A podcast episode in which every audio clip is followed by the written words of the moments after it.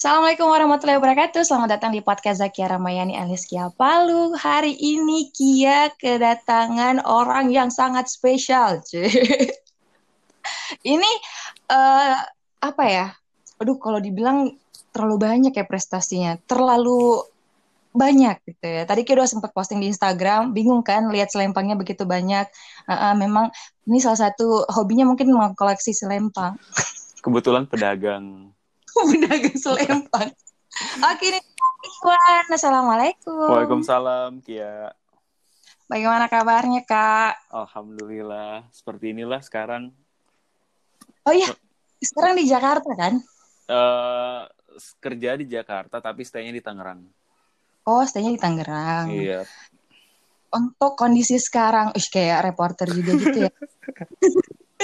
uh, bagaimana keadaan situasi terkini? Asik. Ya, baik. Terima kasih rekan Kia. Saat ini di Tangerang juga sedang memperlakukan PSBB seperti di beberapa kota besar lainnya. Asik. Oh, jadi berarti malam itu benar-benar sunyi ya? Uh, sebenarnya tidak sesunyi yang dibayangkan dan tidak se ekstrem itu sih. Karena di Tangerang ini masih uh, warganya mungkin masih fleksibel ya dengan hmm. itu semua. Jadi ya mereka sometimes ngerasa baik-baik aja semuanya normal-normal aja. Tapi kalau di Jakarta gimana kak? Di Jakarta mungkin lebih ketat karena memang um, checkpointnya diperketat lagi beberapa titik untuk diperiksa lagi tentang peraturan berkendara, tentang peraturan hmm. mau ke mana-mana seperti itu. Oh, berarti kalau yang kerja dari Jakarta otomatis harus pulang sesuai waktu yang ditentukan atau tidak sih? Kalau um, dari Sebenarnya kebijakan dari perusahaannya masing-masing. Yang jelasnya sekarang kalau mau misalnya kayak saya pribadi, saya kerja di Jakarta, tinggal di Tangerang. Jadi saya harus bisa atur waktu karena sekarang kalau mau menggunakan angkutan umum saya lebih ke kereta sekarang karena dulunya sering naik busway yang lebih cepat dan lebih simpel. Cuma karena sekarang untuk uh, bus Transjakarta Tangerang Jakartanya ditiadakan, jadinya hanya memanfaatkan jasa kereta komuter lain dan itu dari jam 6 pagi sampai jam 6 sore. Jadi kalau jam 6 sore uh, belum berada di dalam stasiun, ya otomatis saya tinggal di Jakarta. Oh gitu, harus nginap di situ ya karena iya. tidak ada transportasi lain ya. Betul. Eh, kar- ini ya kayak laporan terkini. Seperti lagi di acara news ya. acara news. Soalnya ini kan uh, reporter dari ini juga kan, jurnalis TVRI Jakarta. Jadi Kia Betul. pengen tahu realnya tuh bagaimana di sana. Hmm. Dan uh, kalau Jakarta memang agak ketat. Tunggu, kan kan Tangerang itu kan dekat daerah airport kan, Kak? Betul. Uh, uh, apakah masih ada uh, ini aktivitas di bandaranya kan buka kan kemarin harusnya ditiadakan. Yep. Sudah. Dari yang saya baca sih informasinya per 24 April itu memang untuk maskapai yang membawa penumpang sudah ditidak adakan atau mungkin oh. operasionalnya sudah tidak tidak ada lagi. Tapi um, sempat beberapa teman kemarin sempat memposting ada penerbangan ke luar negeri. Nah, um, ya, entah karena penerbangan luar negeri bisa apa gimana saya tidak tahu. Dia kemarin posting dia sampai ke Perth kalau nggak salah. Dia terbang oh. ke Perth, terus uh, balik lagi ke Bali. Nah, nggak tahu juga sih itu sebenarnya rules sebenarnya kayak gimana. Tapi untuk di daerah Halim Perdana Kusuma, kemarin mm -hmm. berita yang saya baca di Halim Perdana Kusuma juga untuk penumpang pada umumnya ditiadakan operasionalnya. Tapi untuk yang VIP, VVIP pejabat pemerintah atau mungkin pejabat kewarganegaraan baik dari luar negeri atau dari Indonesia mau keluar itu masih bisa beroperasi dan oh, juga gitu. untuk faktor keamanan dan juga untuk um, alasan dalam upaya pencegahan penularan COVID-19 misalnya mungkin uh, urusan untuk medis oh, iya. atau mungkin bantuan ah, lainnya. Iya iya. Penting uh, urusan kenegaraan ya hmm. itu pasti berjalan sama ya. kargo yang masih berjalan. Oh iya, itu ya. penting sekali sih. Kita tidak bisa belanja dari Jakarta dong Betul. kalau nggak ada kargo. Online shop ya. Soalnya kan ya hanya harap itu. Tapi yang saya baca nih ya, untuk angkutan umum, ternyata bis juga ada yang memanfaatkan dengan sesuatu yang tidak masuk di akal. Karena pengen keluar kota, yang karena nggak boleh ada penumpang, boleh bawa barang doang. Jadinya mereka tuh numpang di bagasi, misalnya di bis, biasanya kan di bawahnya ada kargonya. Duduknya di bawah, ya Allah, segitu Allah, niatnya. kepanasan. Ya Allah, tidak sanggup aku. Tapi tetap juga kedapatan sama petugas di bagian check-in. Kalau temanku kemarin eh, mereka eh, punya inisiatif kan nggak bisa pulang kampung. Mm. Jadi kalau mau ke mana-mana nih harus pakai baju putih-putih. Kenapa gitu? Dikira tim medis menyamar. Kirain berenang. Ya Allah, kan tidak bisa masuk kak untuk sekarang kan. Iya, iya, iya. Kecuali yang di. Oh iya, eh, ini ngomong-ngomong, eh, asik banget ya kalau bahas COVID. Bener nggak ada Padahal habisnya. bukan bahas itu, padahal bukan bahas itu. Eh, oh ya, eh, Kia tadi pengen bilang bersyukur kakak udah kerja di TVRI. Alhamdulillah. Karena tidak terbang juga kan? Betul. Sebenarnya sih em, Udah punya feeling berarti ya? ada plus minusnya sih sebenarnya. Oke. Karena kalau waktu masih di penerbangan, terbang atau tidaknya itu ada gaji pokoknya. Wow, asik ya. Ada gaji pokoknya. Eh, tergantung sih ya kebijakan dari perusahaan maskapainya. Ya, Mm-mm. seperti itu. Kalau di sini nggak ada kerjaan ya? Yang di sini kan saya freelancer sih istilahnya. itu ya, berarti Mm-mm. tergantung jam tayang Betul. apa ya, kerjaan. Jadwal siarannya kapan, jadwal liputan, jadwal syuting outdoornya kapan, itu aja sih yang dibayarin. Ya siaran di radio juga ya. Betul. heeh. Oke, eh, jadi teman-teman eh, ini Kak Ikhwan ini kalau dibilang banyak banget ya pengalamannya ya. Alhamdulillah. Jadi Kia pengen tanya awal muasalnya gitu. Oh, dari yang tadi tuh penghargaan-penghargaan itu dari mulai kapan Mm-mm. ikut perlombaan dan kenapa suka? Kan rata-rata kan lomba yang diikuti hampir sama semua ya. Iya. Kalau bukan Mm. Well, duta apa gitu. Awalnya dari umur berapa tuh Kak? Mm, Waktu jadi sebenarnya sih dari kecil sampai SMA itu sama sekali tidak ada rasa percaya diri sama sekali mau tampil di depan umum sama sekali tidak ada. Nah, seje- sama sekali. Jadi biasanya itu paling gabung di organisasi PMR, Pramuka, ya organisasi Mm-mm. sekolah. Cuman dari situ pun ya tidak tidak sampai yang harus menjadi seorang sekretaris organisasi, ketua organisasi, paling member, member, member datang rapat bubar, rapat bubar. Nah, Belum ingin menolak belum dah SMA kelas 2 kebetulan eh, sepupu saya itu salah satu anggota sanggar seni. Jadi dulu kan saya saya dari Bone di Sulawesi ah. Selatan. Nah, di situ ada sanggar seni. Kebetulan sepupu saya juga anggota yang udah bergabung selama tiga tahunan. Dia butuh em, sosok laki-laki untuk menjadi partneran dia dalam tari tradisional. Oke. Nah, dari situ saya masuk ke sanggar seni, tapi bukan langsung ke tari tradisional sih, lebih ke tari kontemporer, eh, modern tradisional. Jadi nggak pure tradisional. Jadi ya ada eh, ngebeat gitu sedikit, tapi ya masih pakai musik tradisional. Dari situ saya juga belajar musik tradisional, jadinya tampil awalnya tampilnya itu di acara kondangan buat nari Oh. sambutan tamu undangan kayak gitu-gitu loh. Terus eh, main kecapi, main apalah segala macam. Terus em, dari situ mulai tuh eh, dari tarian ternyata. Kabupaten Bone mau mempercayakan sanggar saya untuk ter, apa mewakili kabupaten bahkan provinsi untuk keluar eh, provinsi misalnya di Festival Keraton Nusantara Yogyakarta tahun 2004 kalau nggak salah.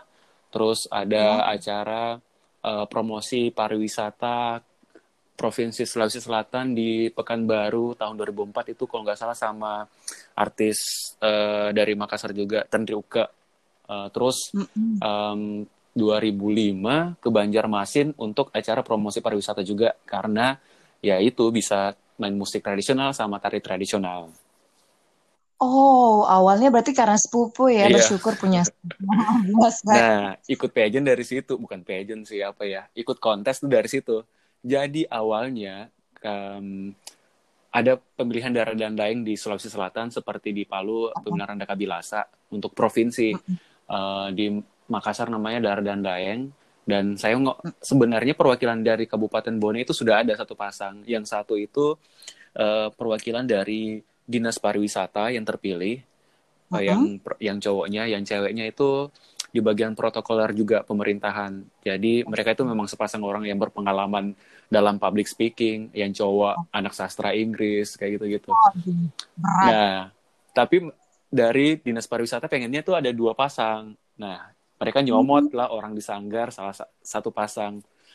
Dan entah kenapa saya yang dicopot, entah latar belakangnya tidak ada sama sekali buat model, mungkin buat tampil di depan umum untuk berbicara di depan umum tidak sama sekali. Terus akhirnya terpilih saya diambil Uh-uh. sama satu pasang yang penari cewek juga.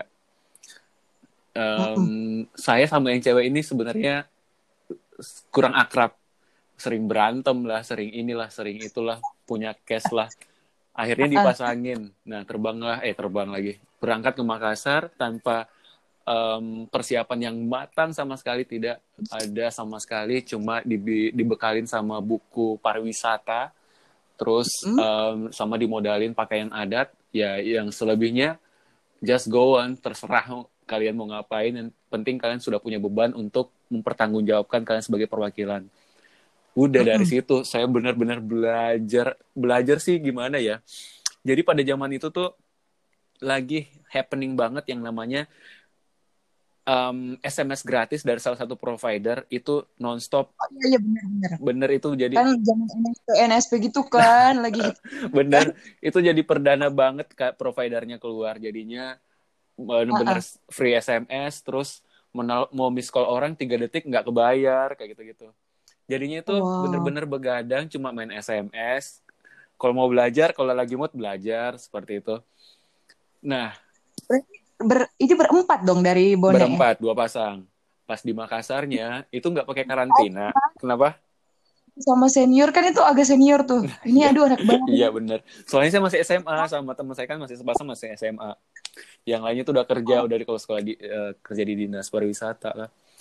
Wah. Nah pas sampai di Makassar memang jadi saya nganggapnya orang-orang itu eh, bukan sebagai saingan pas lagi di sesi interview ngeliat orang-orang memang kagum. Wah persiapannya hebat banget. Orang pakai jas, pakai kemeja segala macam.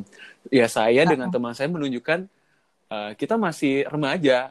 Jadi kita menyesuaikan dengan eh, usia kita ya waktu itu. Benar. Jadi saya pakai lengan eh, kemeja lengan pendek, pakai jeans, Uh-uh. tapi sepatunya pantofel. Waduh. Sementara yang lainnya formal banget dengan looknya formal wear. Udah datang. Waduh. Tapi ternyata itu mencuri perhatian juga. Jadinya tuh Wah, plus ya. kenapa? Jadi nilai plus kelihatan. Iya. Wah, itu men- Betul. Lah, ini mereka siapa ya? Kayak gitu-gitu loh. Remaja kampung mungkin ya.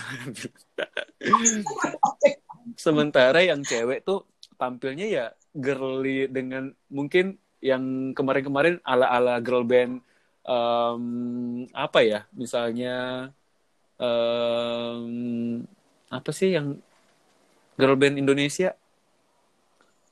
eh, apa ya? Apa ya? Seven Icon. Iya, jangan Seven Icons juga sih. Yang girly tuh. Apa sih namanya itu yang rame? Apa? Nah, Cibi. itu kayak gitu-gitu penampilannya tuh girly-girly seperti itu.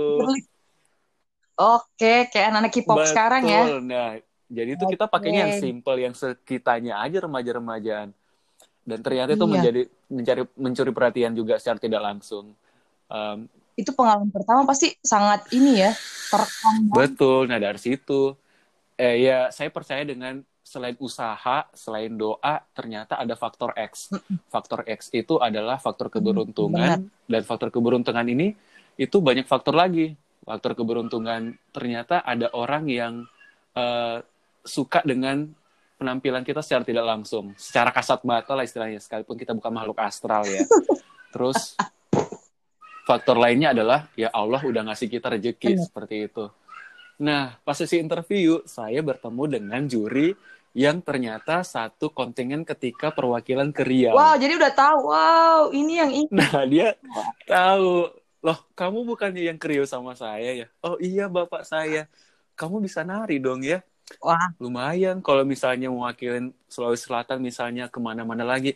Alhamdulillah, Pak. Misalnya kalau saya dikasih kesempatan lagi untuk seperti itu. Em, saya sudah tahu kalian kamu. Kamu bisa nari tradisional, kamu bisa main musik tradisional. Saya cuma mau tahu motivasi kamu apa, terus em, rencana kamu ke depan apa. Udah seperti itu aja. Jadinya tuh tidak yang ribet sama sekali. wow. Dan alhamdulillah ketika di acara em, grand final pada malam harinya, em, saya sama teman saya memang kan sudah cekcok dari awal sama yang cewek. Jadi itu jadi itu eh, eh, sindir-sindiran apa sih? Emang kita menang kata Oh, gitu-gitu. Tahu, biarin aja orang kita jadi paksa gitu-gitu aja. Terpaksa. Dibilang terus yang cewek jadinya kita gara-gara berantem bercandaan jadinya akrab beneran. Oh, gitu. Jadinya tuh deket, uh, uh, jadinya tuh kayak sahabat. Mm-mm. Terus dia ngomong, eh nanti kalau saya juara satu, tolong dibantu angkatin piala umumnya ya, kata dia gitu. Wow. Terus gue bilang, pokoknya saya nggak perlu juara satu, juara dua juga nggak apa-apa deh. Yang penting dapat piala, kayak gitu. Dan alhasil, finally, Uh-uh. pengumumannya diumumin eh, dari empat perwakilan dari Kabupaten Bone, satu orang doang yang nggak dapat. Itu gara-gara kesalahan teknis pas eh, final walk, eh, dia lupa untuk ngerapihin topinya yang miring. Cuma kan Terus cuma gara-gara itu. oh, Padahal dia pinter banget. oh, Tapi karena udah salah dari penampilannya ya udah jadinya turun nilainya dibandingkan yang lain. Sementara yang cewek dapat juara favorit. wow. Terus saya juara dua. Terus yang cewek juara satu. Wah, bener. Pasangan saya. Prediksinya udah bener. Beneran. Nah dari situ mulai semuanya. Wah, jadi mulai makin pede, makin pede. Mulai incer mana lomba ya lagi ya? Lomba yang Makin bukan makin pede sih, lebih makin kepedean. kepedean. Tapi kenapa langsung tiba dari kan Bone nih? Tiba-tiba Hmm. terbang ke Palu. Ngapain? Aduh, gitulah masalahnya. Itu mungkin yang namanya em, jodoh di tangan Tuhan ya. Jadi mungkin karena di Palu ada keluarga Aha. yang juga em, eh, apa ya keluarga dekat lah dari mama, adiknya mama. Terus udah saya pengen lanjutin kuliah, pengen cari suasana yang baru, pengalaman baru. Ya udahlah ke Palu aja lah. Sekalipun awal-awalnya memang eh, susah ya, nggak dipungkiri, nggak munafik. Emang itu rada-rada baper, homesick, pengen pulang, pengen pulang, pengen pulang. Tapi dari rumah tuh kayak pengen ditendang, udah gak usah pulang, gak usah pulang, kayak gitu-gitu.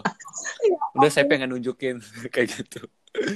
Kamu mau jadi apa kalau misalnya dari sini terus nggak mau kuliah kayak gitu-gitu. Akhirnya itu yang jadi motivasi saya.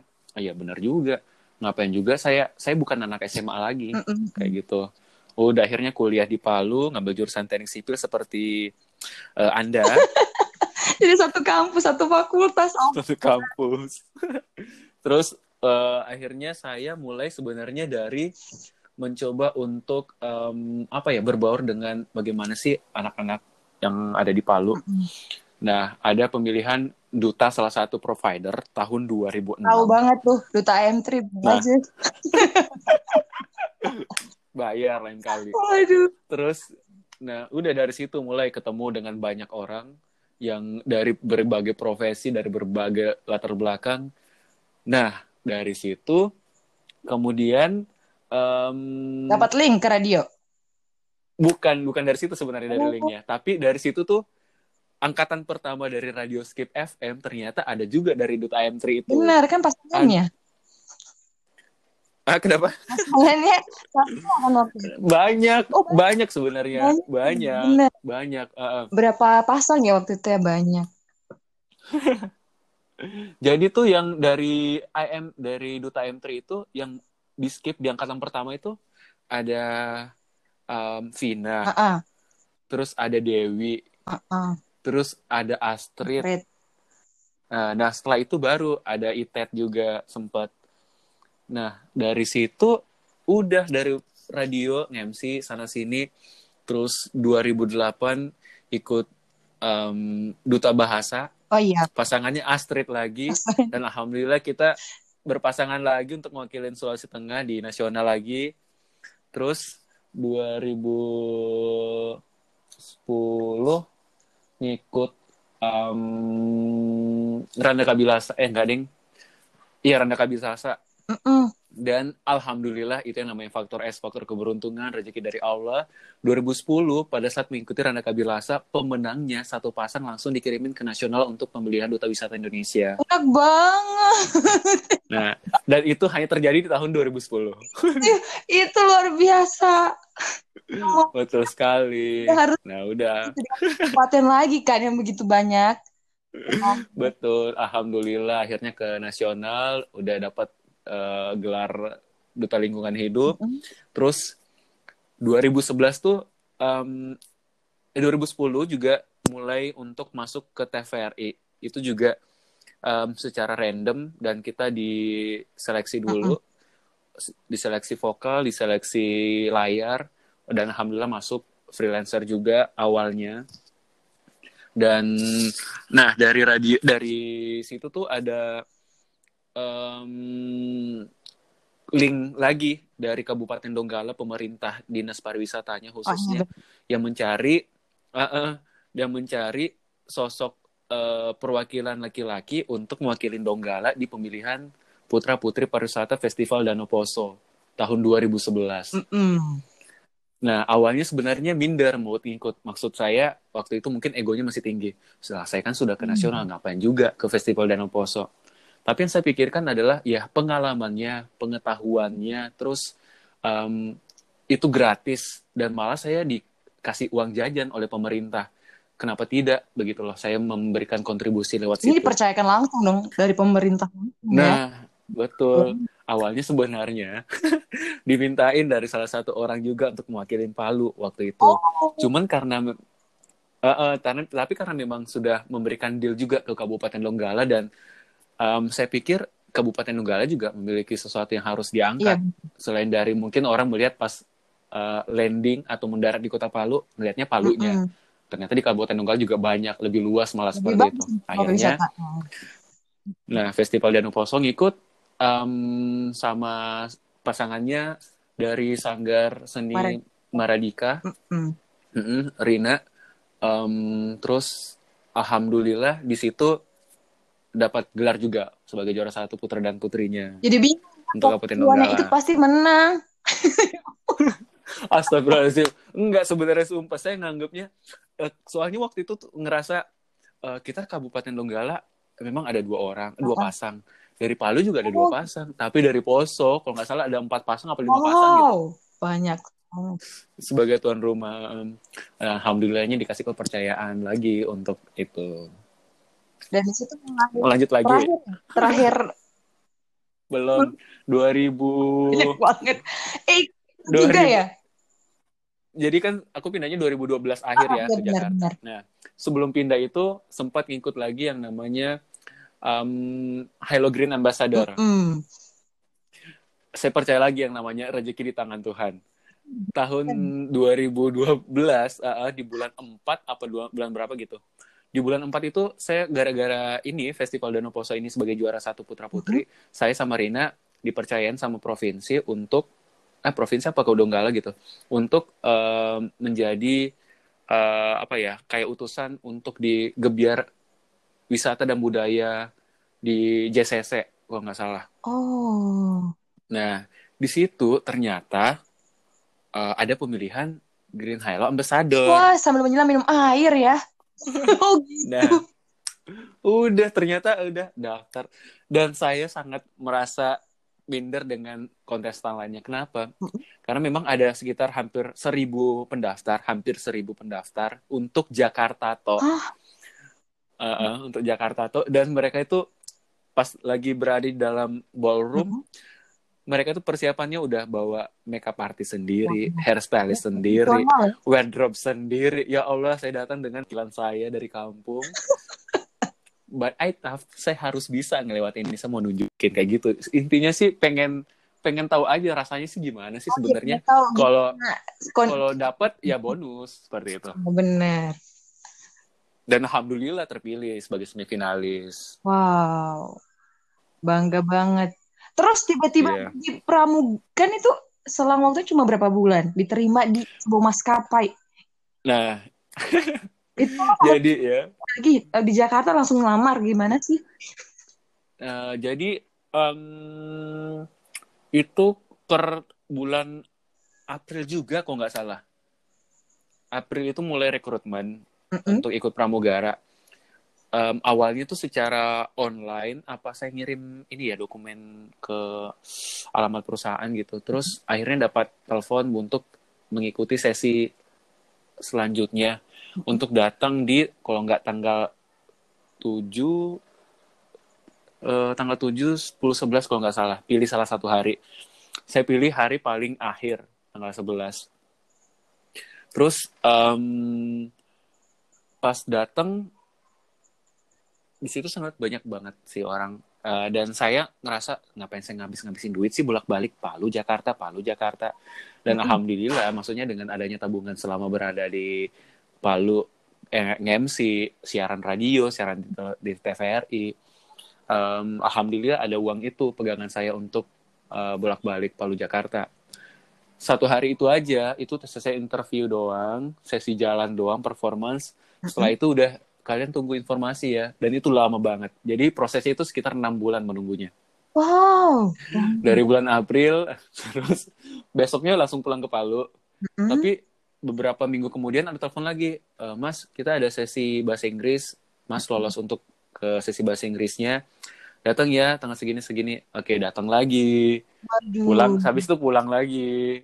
Terus setelah berapa bulan lagi nunggu lagi untuk em, psiko psikotes datang setelah psikotes pulang lagi setelah psikotes Wow. nah sekitar bulan Oktober ap- Oktober deh kalau nggak salah. Oktober itu em, kebetulan em, saya karena duta bahasa tahun 2008 itu saya ditunjuk sama Balai Bahasa Provinsi untuk mewakili em, provinsi apa Balai Provinsi Sulsel sebagai pemuda yang cinta bahasa untuk ke acara kemah bahasa di Jakarta di Cibubur.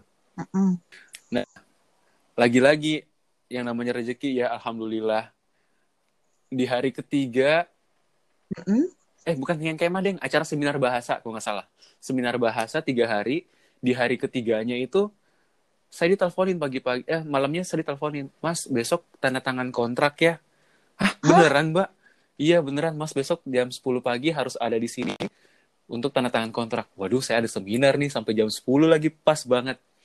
Dan alhamdulillah saya nggak ngeluarin duit lagi untuk ke sana. Dan memang lagi di Jakarta lagi kan? di Jakarta. Ayo apa sih? Ya Allah baik banget. Alhamdulillah itu Allah maha baik memang ya.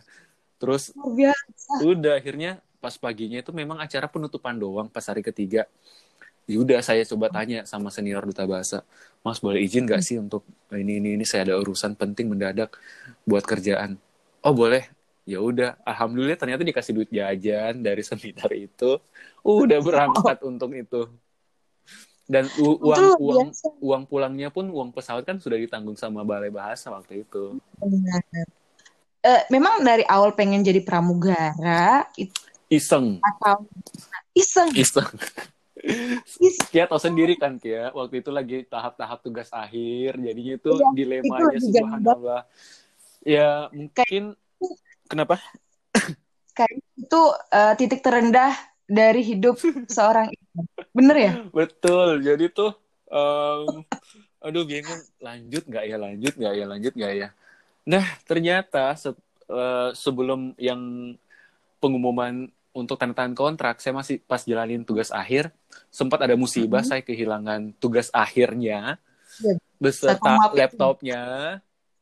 Aduh, dan Luar biasa. itu harus diulang lagi dari awal dan filenya sudah tidak ada semua sama sekali hilang jadi Ya. d- dimulai dari nol ya seperti itu aduh. dan itu yang buat saya itu ah dari nol lagi dari nol lagi stres sumpah stres habis stres stres stres dan pengumuman ini membuat saya itu bangkit em, tapi down juga terus gimana kuliah saya ya akhirnya izin sama orang tua cuma satu orang yang setuju almarhum ayah. Yang lainnya tidak Wah. ada yang setuju.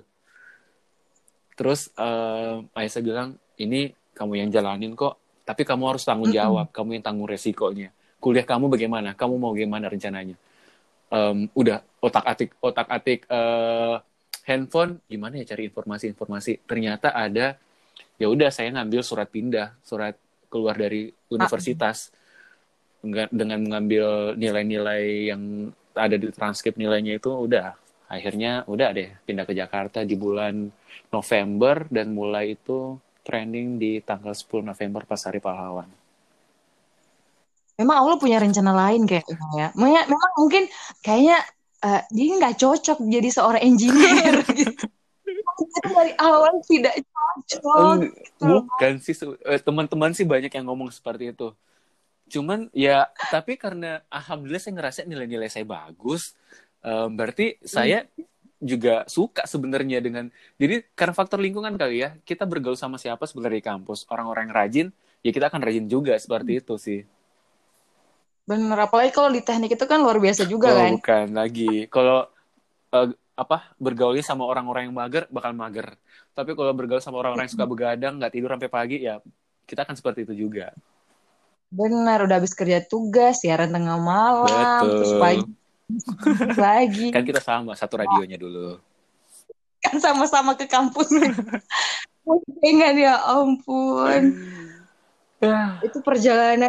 Berarti jujur ya teman Kia kalau yang pengen jadi pramugari itu sampai berkali-kali tes loh nah, kak. iya. Itu gagal terus nangis tes lagi. Itu dua tiga kali baru bisa lolos. Dan memang beruntung banget ya satu kali tes iseng doang. Saya pikir Iwan pengen punya ah saya pengen memang punya impian jadi seorang pramugara keliling dunia. Mungkin. faktor rezeki sih. Jadi iseng sebenarnya iseng. Terus pas em, makin lama sih mikirnya enak kali ya jalan-jalan gratis seperti itu ya jadinya tuh saya ngejalaninnya seikhlasnya aja maksudnya semampunya aja. Kalau misalnya memang dilulusin untuk ke tes selanjutnya alhamdulillah. Dan akhirnya lama juga ya, hampir berapa tahun sih? Em, jadi training tuh November 2012 terus selesai training itu bulan Maret. Nah, pertama kali terbang itu di bulan April 2013, resign kemarin Desember 2019, jadi sebenarnya hampir tujuh tahun sih. Tujuh tahunan ya, lama banget. Kecil juga ya, tujuh tahun. Gitu. Ya Allah. Terus kenapa pikirnya ini udah tujuh tahun loh Iya. kak? Gaji tuh tinggi. Alhamdulillah. Karena dia pernah beberapa yang pramugari juga Hmm. kan.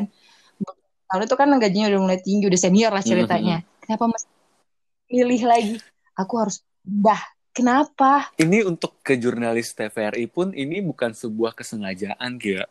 Jadi tuh sa- Ya Allah. saya ri- jadi Oh. kalau mau resign dari perusahaan maskapai itu eh, entah semua maskapai ya eh semua perusahaan seperti itu Eh, istilahnya one, one month notice jadi resignnya satu bulan sebelumnya baru harus udah diajuin nah jadi saya udah Oke. ngajuin tuh yang namanya resign Eh, alasannya sih karena sebenarnya saya pengen ke maskapai lain pengen Oh, punya pengalaman gitu. internasional yang lebih banyak. Eh, Mungkin dari maskapai Indonesia, misalnya dari mana gitu. Cuman punya penerbangan internasional yang lebih banyak. Sedangkan yang perusahaan sebelumnya di Oh. Sriwijaya mungkin terbatas banget untuk penerbangan internasional Ah. seperti itu. Nah, Oh, berarti awalnya pengennya keluar eh, lebih banyak ya iya. penerbangan. Karena kalau mau Terus? ke maskapai lain, mereka punya yang namanya istilahnya surat lolos butuh. Itu surat kita tanda resign. Jadinya mereka itu biar pertimbangan banget mereka bakal terima kita apa enggak. Kayak gitu. Mm-mm. Nah, udah jadi itu alasannya pengen keluar sebenarnya dan em, udah sebulan selama sebulan sebelum saya mau resign terakhir itu di tanggal 9 Desember, seminggu sebelumnya itu ada penerimaan di jurnalis TV. Saya juga Oke. iseng sebenarnya, sumpah. Kenapa? Karena memang dari persyaratan usianya sudah tidak masuk. Wow. Tapi saya kembali percaya dengan ya Allah maha baik rezekinya ada aja seperti itu. Walaupun pikirnya aduh nggak mungkin ya umur udah di tapi kalau lihat dari wajah kan tidak Iya, tidak di wajah eh kayaknya masih 20 wa- tahun 20 tahun itu ya begitulah. masih baby face ya Allah dan mas- diterima. Alhamdulillah. Luar biasa. Alhamdulillah. Dan pengalamannya jadi orang yang dari Jakarta udah udah udah mateng banget ini karena udah pernah di TVRI Sulteng sebelumnya nah, kan. enggak, Cie. ternyata misalnya yang lolos Apa? itu 8 orang nih. Ternyata. 8 orang ini cuma sekitar 30% yang memenuhi persyaratan usia. Wow, semuanya. iya, karena eh, mungkin di atas misalnya ada urutan persyaratan nih. Di atas urutan persyaratan adalah mungkin eh, public speakingnya bagus, bisa berbahasa Inggris Uh-uh. dengan baik mungkin. Nah, sedangkan persyaratan usia itu kan tidak paling pertama banget. Mungkin yang keempat, kelima. Oh, Jadi iya. mereka memprioritaskan mungkin persyaratannya dari urutannya kali ya. Kali ya. Halo Kak Iwan, balik lagi. Halo. Setelah yang satu ini. Setelah commercial break, siapa tahu dapat iklan kan? ya Allah. Oke, oke lanjut. Oh iya, sebelum tadi kita, eh, kakak kan ke TVRI Jakarta nih. Hmm. Sebelum itu ada sesuatu yang sangat spesial. Ikut Mister, Oh, Mr. Tourism Indonesia. ah, itu waktu masih jadi maskapai dong ya? Ceritanya Itu ah, benar. Itu masih di maskapai. Jadi itu em, sebenarnya iseng sih ya. iseng lagi. Jadi tuh em, beberapa kali ikut kontes-kontes seringnya ngewakilin Sulawesi Tengah seperti itu. Em, memang Sulawesi Tengah sebagai second home. Cuman saya pengen ada satu momen saya pengen gitu nambah bawa eh, membawa nama baik Sulawesi Selatan sebagai daerah asal saya yang asli. Oke. Nah, udah jadinya tuh ternyata memang Sulawesi Tengah sudah ada perwakilannya pada saat itu udah terpilih secara online juga. Saya Mm-mm. ikutlah ada pemilihan secara online, Eh, ngirim berkas, terus online, terus udah seleksi berkas, em, terus ngirim em, video perkenalan, video Mm. talent, dan juga video promosi pariwisata. Jadi kita tuh seolah-olah berada dalam sebuah um, dimensi untuk mempromosikan sebuah pariwisata dari apa aja seperti itu.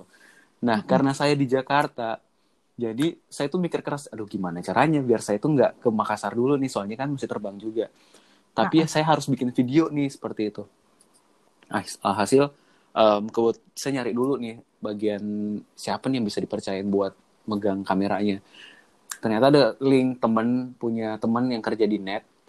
Um, terus akhirnya dia sama temennya yang nge-backup untuk bikin videonya. Bikinlah di Taman Mini Indonesia Indah dengan mengambil background dari um, apa Sulawesi Selatan.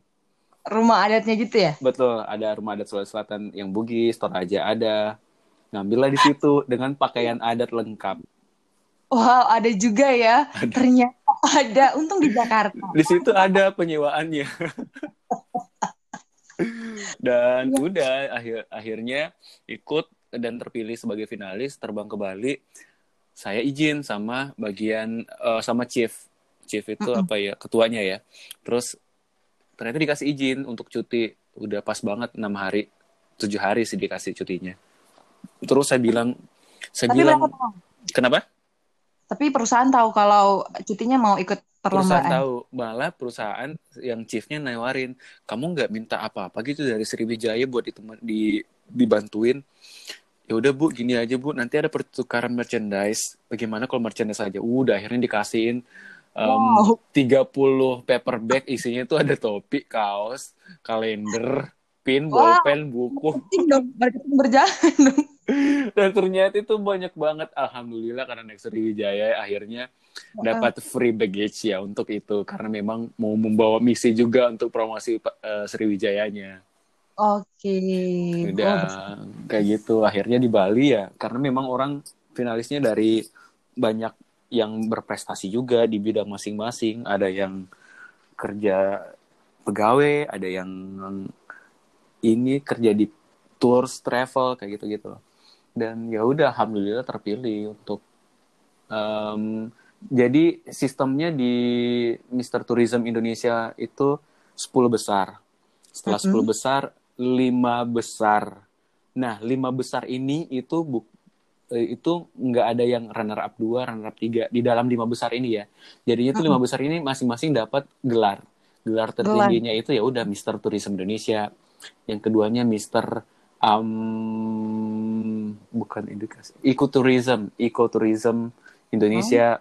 Nah, saya yang ketiga Mister Culture Tourism Indonesia, yang keempat Mister uh, Education, yang kelima Mister Geopark. Yang lima yang ada di top 10, lima lainnya itu yang baru dapat runner up 2, 3, eh runner up 1, 2, 3, 4, 5. Asik banget dong ya. Hmm, Menangnya gitu. ya ampun. Dan pas. Uh, kultural tuh kayaknya memang pas banget. Iya, iya, alhamdulillah di situ. Dari perjalanan karir dari tadi, dari sanggar, betul, betul. wisata. Jauh Ya, ya. ya akhirnya inilah finally. Bisa, uh, uh, betul. Itu perasaannya waktu dapet uh, dikasih apa ya? Ini kan uh, bukan provinsi ya, ini Ah. tingkat nasional. Mm-mm. Perasaan itu kayak gimana? Jadi bangga banget sih karena yang pertama kalinya saya pengen ngewakilin provinsi kelahiran saya, alhamdulillah ternyata uh, I got it. Saya punya sesuatu untuk provinsi Sulawesi Selatan di nasional akhirnya. Luar biasa ya. Ini salah satu anak muda yang sangat cinta dengan eh, tempat kelahirannya. Semoga akan ada di lagi. bisa bisa bisa jadi betul betul betul. Eh, Jadi mungkin teman-teman yang dengerin pasti punya impian juga dong ya. Saya aja yang eh, jadi PD itu karena melihat sosok Kak Iwan loh. Jadi kayak ih terinspirasi itu saya pengen coba gitu. Iya Walaupun dibanding-bandingnya di kampus, kamu itu mau ikut ini ya? Kamu tuh mau Betul. ikut.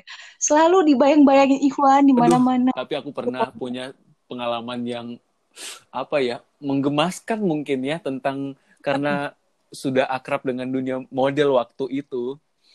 Uh-uh. Em, jadi jadi daftar di pas lagi orbik Uh-uh. saya tuh sering ditodong sama anak-anak. Oh, udah nanya lagi, nanya lagi, nanya lagi. Daripada kena marah kan sama senior-senior, dibentak. Udah nanya lagi. Aduh, nanya apa lagi ya? Soalnya tuh em, saya terkenalnya dipanggilnya bukan nama. Dari dipanggilnya Bone kan, tahu sendiri ya. Bone, Oh. Bone nanya, Bone, nanya, nanya. Nanya apa lagi ya Allah, tadi udah nanya ini, nanya itu, nanya ini. Beda, pokoknya beda pemateri, pasti ada saya aja nanya. Terakhir- Disuruh dipaksa. dipaksain. Akhirnya di bagian em, organisasi ada bias, ada BEM, seperti itu kan pada ngumpul. Nah, Terus eh, ada yang mau nanya, aduh nanya apa? Nanya ke bias, oh yaudah nanya ke bias. Saya kak, Eh, jadi senior waktu itu terus banget waktu itu dipanggilnya eh, Irek. Oh. Jadi dulu itu ada produk yang namanya Irex. Aku dikasih gelar Irex sama senior karena badannya kering kencang. Oh gitu. Luar biasa kan. Udah. Pasti Ayo Irek mau nanya apa Irek? Ah. Bone kamu Bone kamu mau tanya apa Bone? Kak di bias ada em, ini enggak? Ada bagian modeling enggak? Bayangin di teknik sipil bagian modeling udah tahu-tahu senior pada gondrong, bercambang, berewokan, kumisan nanyain nanyain bagian modeling di teknik sipil gubrak gumbreng. itu satu kampus bukan cuman mahasiswa, dosennya tuh siap. Dosen tahu, sumpah, sumpah. Dosen kalau di kelas, kamu yang nanyain modelingnya. Aduh, anjrit. ya, yeah, but I'm famous gara-gara yang namanya itu. Tapi itu jadi oh ya jadi poin plus akhirnya terkenal kan. Terkenal karena itu pengalaman yang menggemaskan. Waduh di zaman itu seniornya parah. Parah abis. Aduh, saya saja yang beberapa angkatan itu udah merasa mampu apalagi di saat itu yang masih Betul. angkatan itu luar biasa. Gara-gara itu sempat mau pulang loh. Gara-gara orang Gitu gitu itu menyerah minta pulang. menyerah, menyerah. Udah nah, sempat nangis, nangis. Ya Allah nangis, pengen homesick. Pulang ya Allah pulang, pulang. Kagak dikasih juga pulang. Pulang sana jalan kaki. Saya juga loh, waktu awal-awal masuk itu pengen keluar gitu. Tidak sanggup. Tidak sanggup. Uh, tugas. Belum lagi dulu kan eh, keterbatasan ruang lingkup junior sama senior jauh sekali. Jadinya tuh Bener. lebih terasa banget atmosfer perjuangannya kita. Belum lagi kan kita masih menggunakan mesin tik ya Kia. Oh iya, saya juga masih dapat sih walaupun sudah ada laptop. Eh namanya kan di teknik. Uh, masih pakai mesin tik. Ah, Bayangin masih. aja mesin tik. Bangun-bangun besok tangan kayak gajah. Itu di rumah bunyinya kan bukan satu orang, kan di rumah itu tiga. Jadi semua rame-rame. Ya ampun.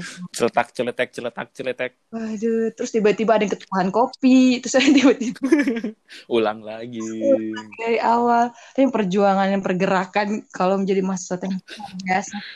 Betul. Tapi saya bangga pernah menjadi bagian dari teknik sipil Untar. Wah, luar biasa. Dan Dan akhirnya selesai. dosen-dosen itu biasanya waktu itu sempat eh, kita kan kuliah Hmm.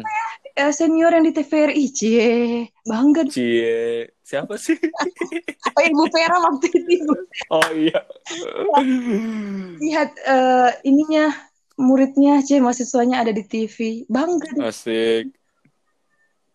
Terus tadi saya dibayang, mbak dibanding-bandingin. Jadi kamu mau ke TV lagi, ikut senior kamu. Lalu super. Ya, bisa jadi bu, bisa jadi. Jadi kalau ke Pak Jurair kan, kalau isi apa mau minta tanda tangan KRS, jadi Hmm. apa lagi? Habis dari radio mau ikut TV lagi, kayak ikut Ikhwan ya. Hah? Tanya itu Pak. Perasaan KRS semua dosen ngumpul. Iya. Ya pokoknya nggak gabung semua tuh tanyain tentang Ikhwan. Hmm. Ini siapanya Ikhwan ya? Ya Allah. Tapi alhamdulillah sih ya eh, di Facebook masih ada beberapa eh, dosen sudah temenan dari dulu di Facebook jadinya kadang komen-komenan di postingan sama Pak eh, Pas Nudin Oh, oh. sama Pak Doni Manggitung Pasti itu tidak akan lupa dengan sosok Iwan. betul eh Pak Doni Manggitung saya ngefans banget lah apalagi Ih, bukannya anaknya juga ada di Jakarta juga jadi jurnalis ya? Dia kan siapa ada di yang mana kok kita gak jadinya ngegibah ya jadinya jadi gibah. Enggak memang benar karena waktu kan tahu yang paling tua dia kayak di CNN atau di mana begitu. kan yang pertama senior kita kan Oh Koko iya iya, benar. Senior kita. Ada yang Emang terakhir. Koko Bukan. yang terakhir Em, Gue katanya cewek ya. nggak ada Enggak ada yang cewek. istrinya kali Bukan. Pokoknya dibilang anaknya atau kemenakannya. Gak tahu deh. Pokoknya me- menantunya kali jangan-jangan. Masa sih menantunya masih kuliah? Di saat kita oh kuliah? Eh, saat kuliah. Oh Aku kuliah di um, siapa nggak tahu. Mister Elang ya? Elang di Palu. Oh di Palu ya? Hmm, di Bang oh itu ya senior saya juga tuh Rana Kabilasa. Iya. Waduh, lihat dari posturnya aku langsung langsung down. Memang the best sih untuk kalau cowok ya. Mm-mm. Kita cewek Mm-mm. langsung ngeliatnya, aduh kesemsem. Ya Perfect banget sih jadi model atau jadi duta apa gitu dari body betul sekali pintar banget. Ya ampun. Oh, terakhir nih, kan udah Hmm. sampai di sini harapannya setelah ini walaupun Mm-mm. walaupun corona ini anggaplah corona ini akan segera berakhir. Apa impian Mm-mm. seorang Ikhwan ke depannya? Insya Allah ya Eh, pertama iya sih pengen corona sudah berlalu deh secepatnya Amin amin. biar semua kembali normal lagi. Ah. Terus em, rencana saya untuk eh, pekerjaan yang lebih baik eh, dengan tidak meninggalkan dunia jurnalis, Mm-mm. semoga bisa tercapai.